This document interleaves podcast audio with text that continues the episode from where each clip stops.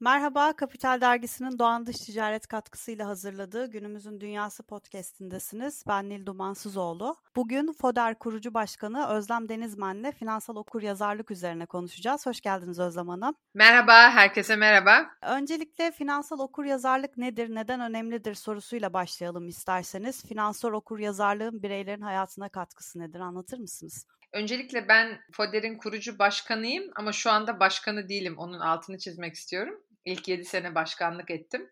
Şu anda danışma kurulu başkanlığını yürütüyorum. Finansal okuryazarlık bireyin tüm hayatı boyunca finansal iyilik halinde olmasını sağlayacak bilgi ve beceriyle hareket etmesidir.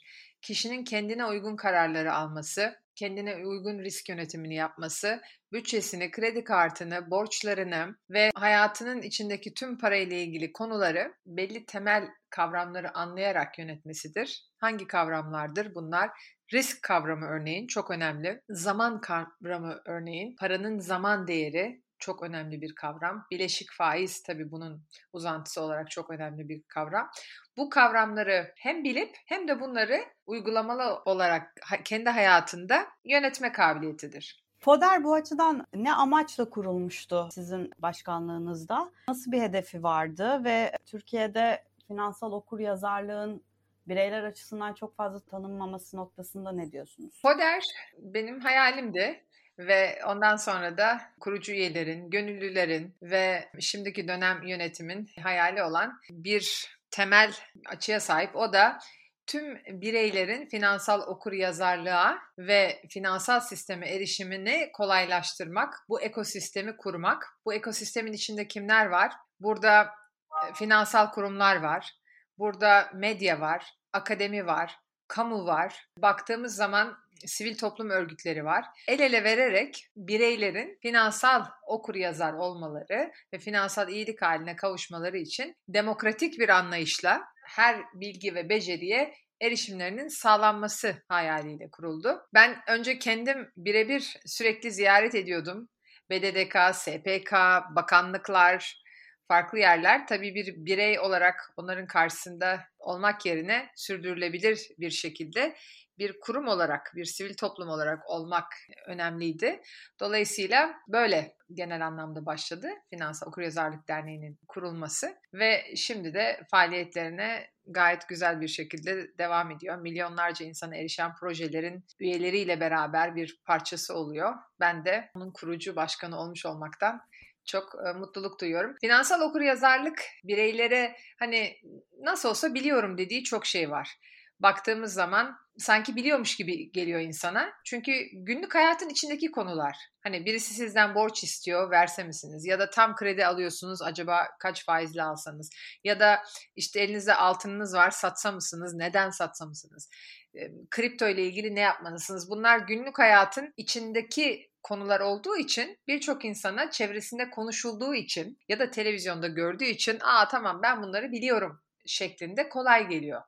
Ve çoğu zaman da bireyler Daniel Kahneman'ın belirttiği gibi sistem 1 sistem 2 e, şeklinde düşündüğümüzde e, çoğu zaman sistem 1 ile karar veriyorlar. Yani sezgisel, çabukçana, biliyormuş varsayarak ve sistem 2 de biliyorsunuz daha bilinçli, hesaplama yaparak, planlama yaparak, geçmişe dayandırmayarak ama titizce hazırlanmış bir plana dayandırarak yapılan, verilen kararlar. Ve biz parayla ilgili çoğu kararımızı bu sistem birle veriyoruz. Yani düşünmeden, hesapsızca, farkında da olmadan çevremizden gördüklerimiz tabii burada çok önemli rol oynuyor. Yaptığınız çalışmalarda neler gözlemlediniz? Şimdi finansal okuryazarlık için bildiğim kadarıyla dört kriter var. İnsanlara soru soruluyor ve bu dört sorunun karşılığını biliyor mu diye finansal okuryazar olabiliyor gibi böyle bir şey vardı. O, onu biraz anlatır mısınız? Nasıl bir insan anlayabilir finansal okuryazarlıkta yetkin olduğunu? Öncelikle bazen 4 oluyor, bazen 14 oluyor. Farklı açılardan bakıp farklı seviyeler değerlendirebiliriz açıkçası.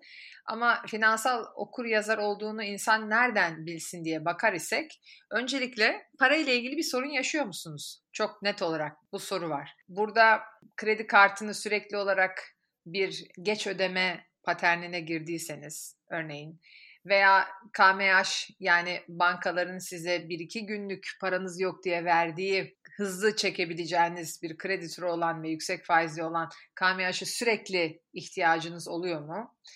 Ve para ile ilgili sürekli bir endişe halinde misiniz? Bu soruları sorduğunuz zaman aslında kendi hayatınızla veya ailenizde finansal okuryazarlık durumunun nasıl olup olmadığını öncelikle bir teşhis koyabilirsiniz. Eğer çok yüksek seviyede bir endişeniz, kaygınız var ise burada belli alanlarda bilginiz olmadığından veya size uygun risk almamış olduğunuzdan veya diyelim yatırım konusunda, birikim konusunda, borç konusunda veya bütçe konusunda veya para ilişkileri konusunda bir yerde bir sorun olduğundan kaynaklanmaktadır. Bunun dışında tabii insan finansal okur yazar mıyım değil miyim nasıl bilir diye yapılan testlerde çoğu zaman sorulan şey çok basit faiz hesaplamalarıdır. Yani paramı koydum işte 100 lira, 2 lira %2 faiz var. Ben ne kadar geri alırım? 100 lira koydum, %2 faizle 102 lira alırım. Çok basit gelmekle beraber bu soru İngiltere'de, Amerika'da, yurt dışında ülkemizde de sorulduğunda çoğu zaman yanlış yanıt alınıyor. Tabii e, reel faiz, enflasyon gibi konular devreye girdiği zaman bunu hesaplaması daha da komplike hal alabiliyor birey için. Dolayısıyla faiz kavramını bilmek, zaman kavramını bilmek bunlar temel konular. Ama siz finansal okur yazar mısınız derken finansal sistemin içine dahil olduğunuz zaman doğru bilgiyle ve size uygun karar alabildiğini düşünüyorsanız muhtemelen fena değilsinizdir diyebilirim. Ama öyle bir şey ki bu sürekli öğrenmeniz gerekiyor. Sürekli yeni bir şeyler var. O yüzden herhangi bir konuda finansal okuryazarlığa da özel değil. Herhangi bir konuda sürekli kendimizi geliştirmezsek zaten biz hiçbir şeyin okuryazarı değiliz. O yüzden sürekli çıkan yeni ürünleri, yeni sistemleri anlamak adına bunu geliştirmemiz çok önemli. Şimdi S&P'nin bir araştırması vardı. Burada 144 ülkede Türkiye 120. sıradaydı. E bunda bir değişiklik oldu mu? Ben son veri bu olarak biliyorum ama. Hayır, ondan sonra bir böyle uluslararası bir çalışma tekrar olmadı ve fakat 10 senede Türkiye ilerleme kaydetti. Bunu söyleyebilirim. Hem insanların finansal sisteme dahil olması hem finansal okuryazarlık alanında ilerlememiz var ve fakat bu yeterli değil. O yüzden tüm bankalara çağrıda bulunalım. Tüm özel sektöre çağrıda bulunalım. Burada müşterilerin sürdürülebilir finansal iyilik halinde olmaları hem onların hem markaların hem bankaların hem ülkenin ekonomisi anlamında çok önemli bir konu. Ve tüm yapılan araştırmalar gösteriyor ki ilkokul çağından başlayan, ondan sonra ortaokul lisede devam eden muhakkak üniversitede olması gereken bir bilinçlendirme sistemi gerekiyor. Ve bu da bir tek sivil toplum örgütlerinin bunun ne kadar önemli olduğunu söyleyerek olması değil. Hakikaten burada tüm sektörün, tüm özel sektörün bunu sahiplenmesi çok önemli. Kaldı ki bununla ilgili de bayağı gelişmeler oldu söyleyebilirim. Son 10 seneye buna gönül vererek ve sadece bu konuda çalışan bir kişi olarak şunu görüyorum ki bazı bankalarımız bunu sahiplendiler. Temennim tüm finansal kurumların hatta onlarla da kalmayıp diğer kurumların da bu konuyu acilen sahiplenmeleri. Bu konuda eğitimler yapılıyor, FODER'in de etkinlikleri oluyor. En çok kimler hedefleniyor? Kimleri bu konuda daha fazla bilinçlendirme gibi bir misyonu var? Dediğim gibi ben şu anda FODER'in yönetiminde değilim, kurucu başkanıyım ama FODER'in temel amacı ağırlıklı olarak gençler ve kadınlar ulaşmak.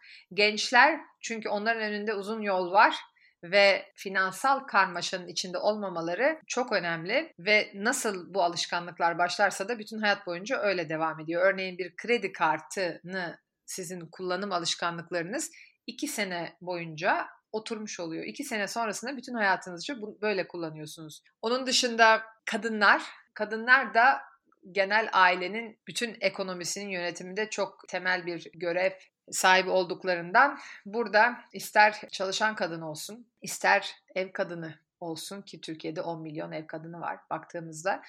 Burada kadınlarla da yapılan birçok etkinlikler var. Finansal Okuryazarlık Derneği'nin dediğim gibi bildiğim ve takip ettiğim kadarıyla.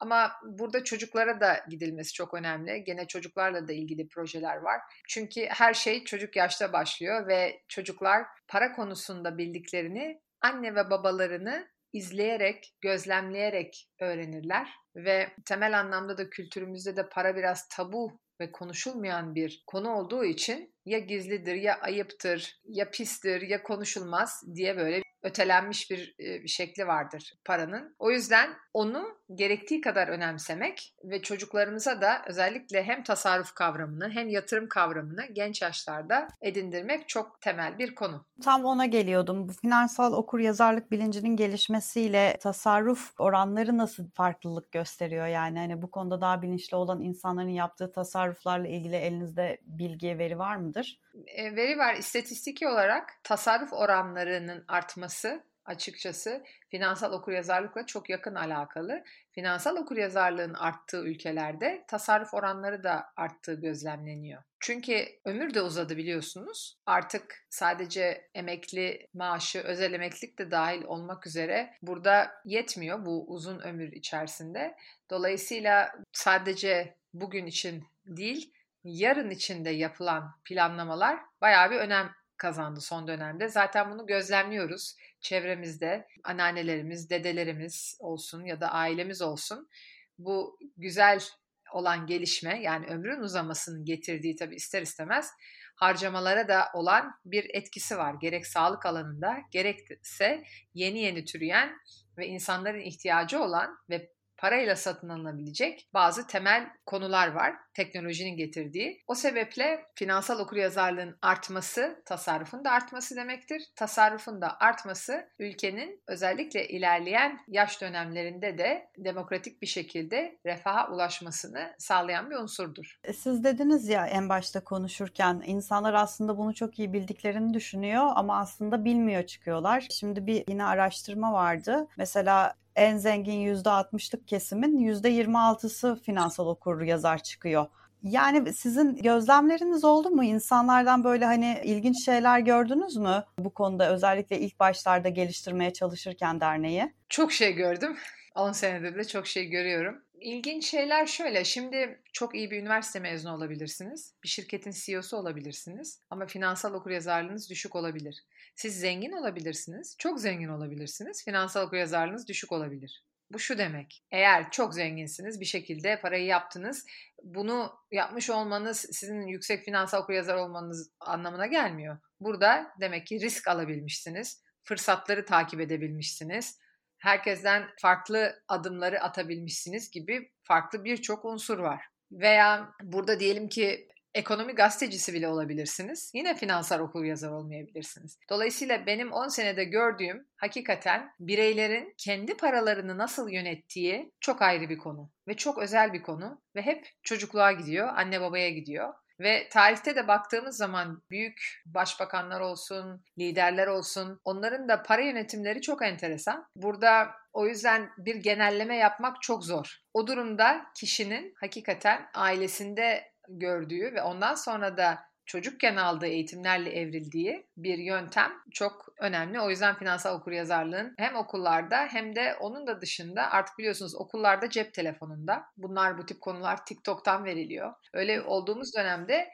gençlerimizin de almak istediği kanallardan ve de çerçevede onların alışık olduğu çeşitlermelerle verilmesini çok önemli buluyorum. O yüzden de Mona'yı kurduk benim fintech uygulamam. Böylece insanların erişimi çok kolaylaşmış bir şekilde cep telefonundan konuşarak halledebilme becerisi gösteriyorlar. E peki yapılan etkinliklere, projelere en fazla hangi kesimden, hangi yaş grubundan ilgi görüyorsunuz? Mesela sizin uygulamanızı kullanan yaş kitlesi kim? Mona'yı kullanan yaş grubu 20-40 yaş ağırlıklı ve 25 yaş en ağırlıklı diyebilirim. Burada erkek kadın neredeyse eşit biraz daha erkekler %55-45 gibi diyebilirim. Kimler çok ilgi duyuyor biliyor musunuz? İki tane şey var. Ya hedefi için çok heyecan duyanlar, bu araba peşinatı, ev peşinatı, düğün için biriktirmek, bir hedefe olan bağlılıkları ve inançları veya ben artık yani hakikaten bu harcamalarımı bir şekilde bir, bir çeki düzen vermem gerek diye bir sabah kalkanlar diyeyim. Çünkü bu kararla alakalı. Ve bu pandemi döneminde aslında evimizi ne kadar gereksiz eşyalarla,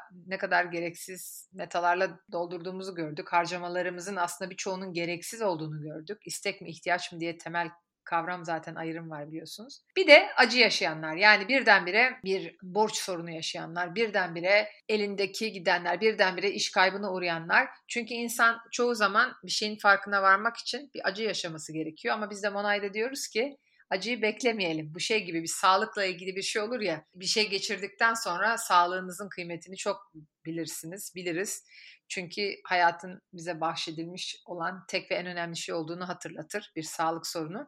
Bir finansal sorun sonrasında da kişi aa bu parayı benim yönetmem gerekiyor diye finansal okuryazar olma çabası artıyor. Tabii bunun da dediğim gibi Monay'da yaptığımız gibi eğlenceli bir şekilde kişiye erişmesi lazım. Bunun günlük hayatın içinde erişmesi lazım ve davranış bilimini de tabii kullanması bizim onayda olduğu gibi çok önemli diye düşünüyorum. Şimdi özellikle pandemiden sonra da öncesinde de süre gelen Türkiye'deki ekonomik sorunlar ve şu anda çok yüksek seviyelere ulaşan enflasyonla birlikte insanların bu tasarrufa yönelme ve finansal okuryazarlığını geliştirme konusunda daha büyük bir ilgisi var mı? Böyle bir şey gözlemliyor musunuz? Pandemi sonrasında insanlar parasının kıymetini daha iyi biliyor. Ve fakat daha yeni bir yayın okudum. Tarihe baktığımız zaman bu tip temel insanları harcama alışkanlığından yoksun kılan dönemler sonrasında müthiş bir harcama dönemi başlıyor. Çünkü alışık olduğuna gitmek istiyor insan beyin olarak da deneyim olarak da. O sebeple ben biraz bundan çekiniyorum. Tabii ki harcayacağız. Harcayacağız. Ekonomimiz büyüyecek. Biz zaten harcama demiyoruz ama harcama alışkanlıklarımıza bir göz attığımız zaman harcama röntgeni var mesela Monay'da. Ona kendinize bakıyorsunuz ve ben kendi istediğim için mi harcıyorum? Kendi değerlerim doğrultusunda mı harcıyorum? Kendi hedefime ulaşacak şekilde mi harcıyorum? Yoksa etraf söyledi diye, reklamlar öyle gösterdi diye ya da etki altına kaldım diye. Dolayısıyla gördüğüm pandemi sonrasında özellikle harcama alışkanlıklarında değişen temel şey bir daha bir sorgulamak oldu. Yani yoksa şeyden bahsetmiyorum tabii işte evde yoga matları alınması ya da daha çok evle ilgili ofis eşyalarının alınması gibi hayatın içinden konular değil ama genel daha felsefik olarak, daha zihin haritası olarak ki biz bizim ne ne harcadığımız zihin haritamız belirler. Burada öyle bir değişiklik olduğunu görüyoruz. Uygulamanın içinde de 60 bin kişi var e, Monay uygulamasında. Ve bu da tabii bize ölçme imkanı veriyor. Son bir ayda gördüğüm bir enteresan konu abur cubur yeme olayı bayağı arttı Türkiye'de. Biz çünkü bir şekilde Türkiye'nin harcama alışkanlıklarının da nabzını tutuyoruz Monay'da ve abur cubur yeme çok arttı. Bir de hedef olarak borç kapatma hedefi bayağı bir fazlalaştı. Bir de son bir ayda yine 20'li yaşlarda çok yeni üyemiz olmaya başladı. Hani bir şekilde onlardaki duyarlılığın daha yüksek olduğunu gözlemliyoruz bizim datamızdan. Peki son olarak şey dediniz özel sektöre, bankalara ve sivil topluma çok görev düşüyor, yapılacak şeyler var dediniz. Kamu tarafı da var tabii bunun. Bu yapılması gerekenleri 3-4 maddede yol haritası gibi sunabilir misiniz? Bir, tüm bankaların finansal okuryazarlık için bütçe ayırması gerek. İki, tüm özel kurumların çalışanlarının finansal iyilik halinde olduğunu bilmesi, onlara destek olması, çalışanlarının yanında olması çok önemli geldiğimiz dönemde. Çünkü çalışanların birinci stres kaynağı para. Finansal okuryazarlıktan uzak olan kişiler finansal iyilik halleri düşük oluyor ve stres yükseliyor. Stres yükselmesiyle de zaten bağışıklık sistemi düşüyor biliyorsunuz birçok şey geliyor. O yüzden tüm özel şirketlerin ve kamunun da çalışanlarının iyilik halini önemsemesi çok önemli. Bu iki. Yani bir bütçe dedim. iki çalışanlar dedim. Belki Bankaların şirket içi eğitimlere dahil edilmesi gerekiyor bu tip şeyler. Şirket içi eğitimlere dahil edilmesi, şirketin bu konuda bunu yaptıkları insan kaynakları bütçesinin içine dahil edilmesi tabii baktığımız zaman birçok şey sonuçta bütçeye dayanıyor ve önce bir farkındalık ve bunu yapmak isteyen liderler tepede yönetim kurulları ve CEO'lar hepsine buradan çağrıda bulunmak isterim. Ve diğer tarafta da buna bütçe ayrılması çok önemli. Ve burada da üçüncü olarak da e, sivil toplum örgütü, başta tabii FODEL, Finansal Okuryazarlık ve Erişim e, Derneği olarak ve diğer derneklerin de yaptığı her şeyde nasıl sürdürülebilirlik konusu yaptığımız her şeyde işin içinde. Finansal okuryazarlık da zaten bir sürdürülebilirlik hedeflerinin, amaçlarının bir alt başlığı biliyorsunuz.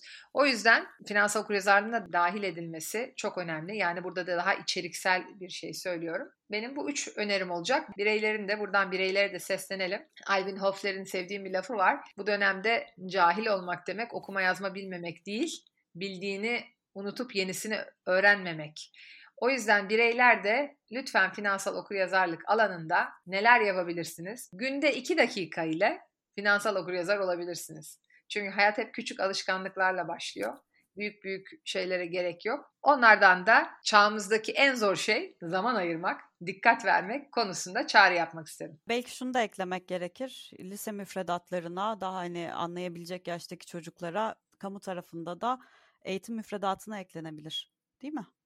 Ders e, olarak. Evet, kamuyu ben katmamamın sebebi kamu ile ilgili çok uzun seneler çalışma yaptık ve katılması gereken birçok yere aslında girdi finansal okuryazarlık. Bunun müfredatın işleyişinin birçok İngilizceye girdi, matematiğe girdi, e, müzik dersine girdi. Buna yedirilme denen bir sistem var. O şekilde girdi. Yoksa her konuda ders çıkaramıyorlar. Ama tabii her zaman temennimiz ki üniversitede bu derslerin artması ve özellikle ortaokul sonrasında orada da okullarda da bunun ders olarak okutuluyor olması o her daim zaten dileğimiz. Peki o zaman çok teşekkür ederim katıldığınız için. Ben teşekkür ederim. Görüşmek üzere, hoşçakalın.